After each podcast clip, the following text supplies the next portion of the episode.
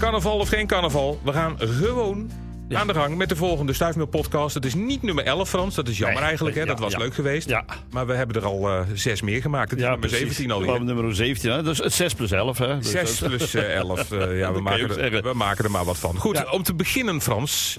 Elk jaar ga jij verkleed als boswachter hè, naar het feest toe. Ja, ik wel. eh, elk jaar. Ja, tenminste althans eh, zoveel mogelijk als boswachter. Nee hoor, dan ga ik juist niet als boswachter. Ik verkleed mij juist eh, meer als... eh nou ja, ik doe van alles aan. Het maakt me niet zo uit. Ik heb meestal een, zo'n hele lange witte jas. Ja, En dan eh, zet ik een hoedje op. En eh, dan wordt mijn gezicht wat versierd. En dan, eh, dan ga ik gewoon op pad.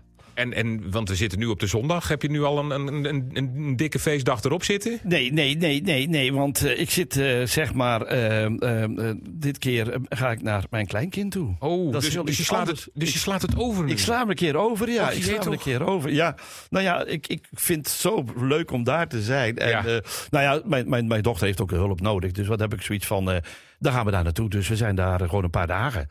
En, eh, dan heb ik toch wel mijn eigen feestje. Ja, dat Ja. wel. Ja, ja, ja. Ja. Maar- je moet wel zorgen dat het wel een carnavalsvierertje wordt. Hè? Want het is een halve Belg, dat doen ze ook aan carnaval. hè? Ja, maar Zeeuws-Vlaanderen, daar doen ze heel veel aan carnaval, eh, begrepen. Ik weet niet... eh, Ja, het is, het is, Zeeland is een beetje verdeeld. Hè? Ja, Zo- je gaat van gereformeerd naar katholiek. Ja, En- precies. En, in het katholieke gedeelte, daar is het... eh, Dat is het feest. feest. En, in België ook. En ik weet in ieder geval dat Hulst heel veel aan feest Ja. doet. Maar zij wonen in Terneuzen. Dat weet ik ook niet wat. Dus dat is ook de eerste keer dat ik dat zie. nou, wat ze daar in, in Terneuzen doen. Dus dat is ook, ben ik ook benieuwd naar. Maar goed, het feestje heb ik in ieder geval wel. Want ik ben bij mijn kleindochter. Dus dat nou, hartstikke goed. Ja. Nou ja, feest. eh, Je kun- zou kunnen zeggen, in, in de natuur is het elke dag carnaval. Ja, precies. Want, en, en wat nou leuk is voor mensen, is ook va- ah, vaak een feest eh, in de natuur. Want er zijn, en dat vind ik nou juist zo leuk. En dan, ik hoor steeds meer mensen, die worden er helemaal blij van. De tellingen van de dieren en de planten. Oké. Ik heb vorige, in mijn vorige stuifel hebben we het erover gehad. Hè, en, en zeker in de podcast. Toen waren het de mollen, hè? De mollentelling. Ja, Ja, het ja. was de vijfde al, moet je dus nagaan. Er wordt al vijf jaar mollen geteld. Eh, en dat was dus 11, 11 en 2, eh, 12 februari, dus vorige weekend. Maar dan hebben we ook de nationale tuinvogeltelling. Ja. Dat tellen maar liefst, ongelooflijk, eh, 100, eh, 170.000 mensen telden dan mee. Zo. En er worden dan meer dan 2 miljoen vogels geteld. Nou, dat is toch een feest? Ik bedoel, het is toch geweldig dat mensen dat toch allemaal doen. En je, we weten het gewoon, hè, de huismus staat nog steeds op nummer 1. Ja. En dan staat hij al jaren staat hij op nummer 1. En wat er nou erg wisselt is dus de koolmees en, en de pimpelmees. Die wisselen nog erger eh, met de merel. Dus, dus nummer 1, 2, 3 en 4 eh, is huismus staat vast. Ja. Nummer 1. Koolmees nummer 2 staat ook vast. En die pimpelmees die doet af en toe een wisselingetje met de merel. Die wip, wip, wip wat op en neer tussen 3 en 4. Oké, maar ook al jaren zo. En als ik naar mijn omgeving kijk, hè, de- de- waar ik woon in Oosterwijk, dan zie je ook precies hetzelfde. De koolmees staat eh, zeg maar in dit geval wel bovenaan. En dat is dus natuurlijk logisch, want we hebben te weinig haren in de plek waar ik woon. En dan zie je geen mussen. Want de mussen Oh. zitten in hagen. Dus we moeten Oostenrijk weer gaan behagen. Want dan krijgen we weer meer mussen. Oké, ik zie een campagne aankomen. Want Ja. iets met behaag ons. zoiets. Behaag, ja, behaag Nederland. Behaag zeggen. Nederland. Nou, dat zou wel heel mooi zijn, want eh, ik denk dat we veel meer hagen nodig hebben. In plaats van al die rare tuintjes die we tegenwoordig hebben. Want dan krijgen we veel meer dieren terug. Dus hagen van Nederland is niet alleen maar goed voor de mens zelf, maar ook voor de biodiversiteit. En zo uiteindelijk ook weer voor onszelf. Hè? Ja, absoluut. En zo komen we altijd weer op het vaste thema. Al die mensen die, die, die stenen, tegels en van allerlei Oh, dingen weer per stenen, ja, precies, Weg eruit ermee. gooien. Dus, eh, nou, en tot slot nog even over die vogeltelling. Ja. Het is al het 22e jaar. Dus dat ik denk dat het echt de topper is. Twee keer elf. Ja, dus twee keer elf. Dus het is Heerlijk. wel geweldig. hè, Dat, dat kan. Alles komt samen. Eh, en, en dit jaar is hij ook weer, eh, zeg maar weer in juli. En dan komt hij weer terug opnieuw. Dan is er ook de nationale bijentelling. Die is al voor het zesde jaar. Dus ook daar wordt zeg maar al zes jaar aangeteld. En zijn er zeg maar ongeveer een kleine 4000 mensen die dat doen. Iets minder natuurlijk als die vogeltelling. Maar ja, vogels blijven natuurlijk altijd heel erg leuk. En bijen, je moet er wel wat meer van afweten. Want eh, heel veel mensen zeggen heel vaak van... Ja, ik heb een bij gezien. Maar dat klopt niet helemaal. Wat we gezien hebben is een honingbij. Dat zien ze het meest van allemaal. Ja. En een honingbij is een van de 357 soorten bijen. Want er zijn veel meer soorten bijen. En de honingbij zijn- is er maar eentje van. Oh, dus er zijn 371 soorten bijen die helemaal geen honing bij zijn. Precies, juist. Ik leer elke keer weer wat ja, dus, en- want de meeste bijen zijn zelfs niet eens bezig met honing. Die zijn bezig met, met, met, met een beetje nectar en, en wat stuifmeel. En die maken geen honing. Die- Dus de enige die dat maken zijn de honingbijen. En die doen dat omdat dat voor hen een, een wintervoedsel is. Want de honingbij is ook de, eigenlijk zo'n beetje... Ja, er zijn nog een paar soorten meer, maar die leven niet allemaal in Nederland. Die overwinteren als vo- als volwassen dieren. Eh, als volk zeggen we dan.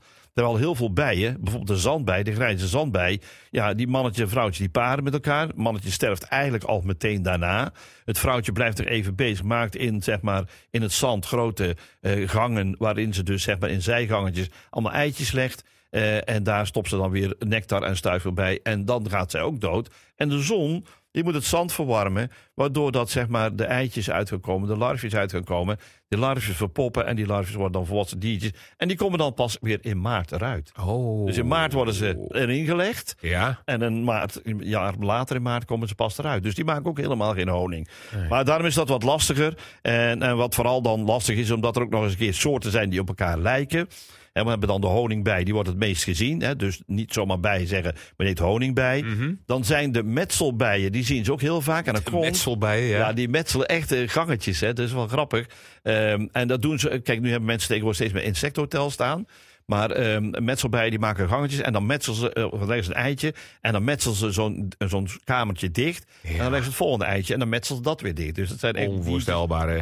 Nou, en dan moeten mensen opletten, want er zijn er ook soorten bij die eh, lijken op bijvoorbeeld de honingbij. Je hebt de blinde bij, hebben we al een keer genoemd in de podcast. Maar ook de bijvlieg, die lijkt ook op een honingbij. En dat is ook weer een zweefvlieg. En dan heb je nog de grote narcisvlieg.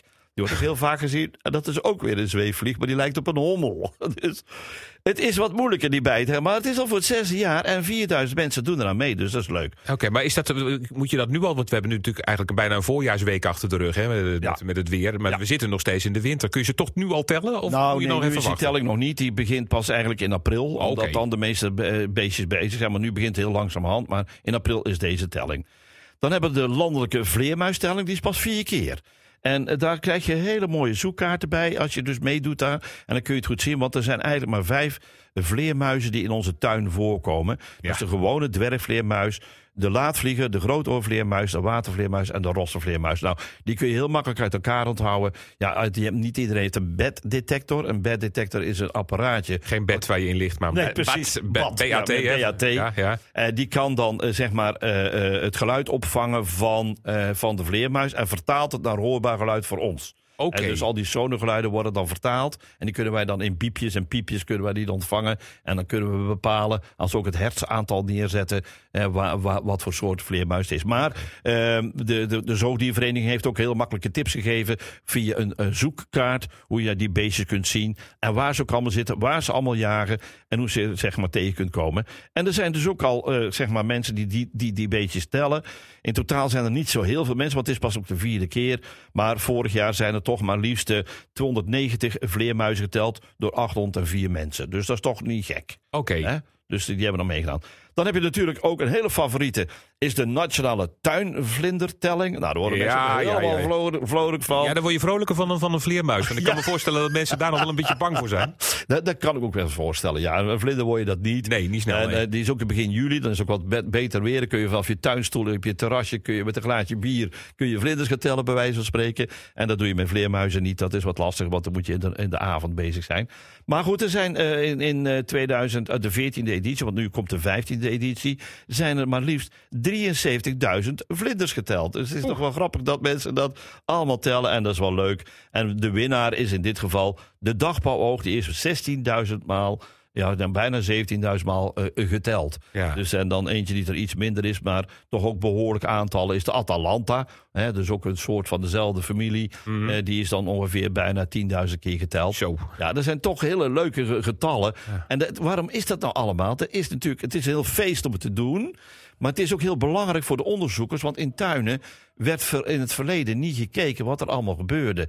En dan weet je niet wat er met de biodiversiteit in stedelijke gebieden gebeurt. Als steeds meer mensen gaan tellen, kun je dat ook in de gaten gaan houden. Dus dat is natuurlijk keigaaf. Ja, hoe- maar hoe weet je dat jouw vlindertje of jouw vleermuis of jouw bij of wat je ook telt, dat die niet al een keer geteld is? Want het, is Ja, moeilijk nou. dat je, je kunt hem zo moeilijk met een stift aanvinken van geteld. Maar Nee, precies. Nee, dat is het lastige ervan. En ook als je in zo'n tuin bent, hè, bijvoorbeeld een vlinder, je ziet een dagbouwoog en dan zie je er weer eentje, weer eentje. Nou, uiteindelijk tel je alleen maar Ja. het meeste aantal wat je er gezien hebt. Dus als je twee eh, dagvlinders hebt, eh, dagbouwogen gezien hebt, dan is het getal twee. Maar zie je diezelfde dag nog een stuk of drie, vier erbij, dan gebruik je het getal vier. Maar dan kan die twee er wel bij zitten. Maar dan heb je wel in totaal vier vlinders Juist. gezien. Dus je mist dan niet. En als, ze de doorvliegen, ja, en als ze doorvliegen naar de, doet, ja, precies. Precies, dan, dan kunnen ze zien van oké, in die omgeving Ja. is eh, zeg maar viermaal de dagvlinder geteld. Kijk eh, de dagpauwer geteld. De En zo doen ze dat dan. Ja. Nou, een, een iets wat ook weer minder, eh, niet iedereen graag doet. Maar de- de- de- ik merk toch wel dat er steeds meer mensen van spinnen gaan houden. Het is niet echt de favoriet van veel Ik mensen. Maar ik genoeg zie- mensen die nooit van spinnen zullen gaan precies. houden. Nee, dat klopt. En dat komt alleen maar door al die vervelende films die over die beestjes zijn gemaakt. Die uh, akelig zijn geworden. Want uiteindelijk is het dus zeg maar steeds eh, duidelijker dat eh, spinnen in een verkeerd daglicht worden gezet. Maar goed. Ja, waar. Maar ik moet wel zeggen, als er eentje aan het plafond zit en ineens komt hij aan zo'n draadje naar beneden, dan schrik ik me ook de tering hoor. Ja, dat komt, spinnen zien namelijk heel erg goed. En dat is het probleem vaak. En ze rennen vlug, ze vliegen vlug, bij wijze van spreken, door die draden heen. Ja, ja. En dat maakt mensen... Je ziet ook, hè, van spinnen zijn mensen bang en van muizen zijn mensen bang. En dat komt omdat snelle beesten zijn die heel goed kunnen zien. En daardoor zich snel uit de voeten maken. Want als zo'n grote voet van een mens op zo'n beestje gaat staan, Ja. dan is het wel afgelopen. Dus ze willen niet die mastodont op zich hebben. Nee, dat snap ik. Dus snappen, gaan ze heel vlug weg. Maar goed, het is inderdaad, het begint langzamerhand. Maar het is toch al voor de elfde keer dat het geteld is. En het, het is niet veel aantal mensen, het zijn maar 255 mensen. Maar het is toch wel leuk dat het gedaan wordt. Want dan zie je dus dat kruisspinnen het meest bij, bij eh, huizen te vinden zijn. En daarna de grote trilspin. Dat is een spin die trilt dan zo met zijn poten. En dan probeert hij zo prooien te Je pakken. maakt het niet beter hè, met de grote trilspin. het is maar erger. Goed, in ieder geval, uiteindelijk merken wij steeds vaker dat, eh, dat eh, zeg maar mensen wel aandacht ervoor hebben. Maar dat er dus nog inderdaad nog een hele, ja, wat jij dus ook al zegt, een hele warrige situatie rondom spinnen hangt. Waar spinnen niks aan kunnen doen, maar mensen uiteindelijk wel. Nou, dan hebben we nog de bodemdierendagen. Dat is een, eh, Bodemdierendagen, ja. die gaat al de negende editie in. En dan gaat het ook weer over. Wat vind je allemaal in de bodem? Nou ja, goed, of op de bodem.